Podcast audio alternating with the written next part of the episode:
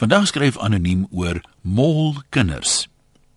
Ek het die naweek weer 'n bietjie inkopies gedoen in 'n groot winkelsentrum, beter bekend as die mall onder die Afrikaanse mense. Dit kom my voor daar's 'n aansienlike klomp kinders wat as dit ware groot word in die mall. Vergeet vir 'n oomblik van die tieners wat dit as 'n romantiese bestemming sien. Die kleiner kinders kan jy rofweg in twee kategorieë indeel. Die ooraktiewe woelwaters Die kinders is slim genoeg om te sorg dat hulle so gou as moontlik buite hoor afstand van ma of pa kom. Anders fyk hulle selektiewe doofheid in opsigte van enige vermaaning. Verder beskik hulle oor 'n hoë weerstand teen omtrent alles, van slaapstroop tot streepsuiker. Die woelwaters het oneindige energie en 'n ingebore gawe om dit verkeerd aan te wend.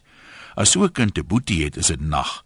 Hulle is van nature kompeterend en as hulle 'n bal in die hande kry, ontstaan die ekwivalent van driekamp skop, gooi, hardloop. Is van spek natuurlik maklike bal vervang. Anders jaag hulle bloot resies met die trollies wat jy net sien ou tannie streek. 'n Mens het sien wees van staal nodig. Maar wat doen ons? Ons bly hoflik stil. Die tweede kategorie is die hulpvaardige kinders. Hierdie lot is nie so lewensbedreigend soos die woelwaters nie, maar hulle kan self groot skade aanrig.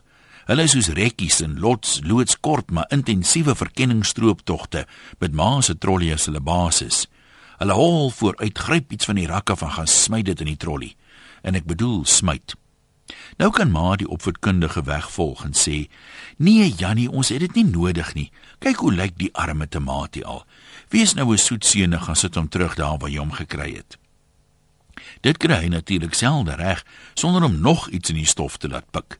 En op pad terug buite hy weer iets anders wat sy ma natuurlik ook nie wil hê nie.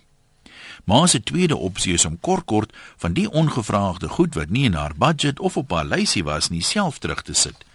Ongelukkig dit in 'n besige winkel moeilik om altyd die regte plek te kry. Dis hoekom 'n mens soms gesmelte roomys tussen die meel aantref of gekneusde tomaties by die eiers. En wat doen ons? Ons bly hoflik stil. As toeskouer of slagoffer, moet jy mos vriendelik op sy staan vir die gevaar en bedreig en begrypend vir die ouers knik. Ons was mos almal eenmal jonk.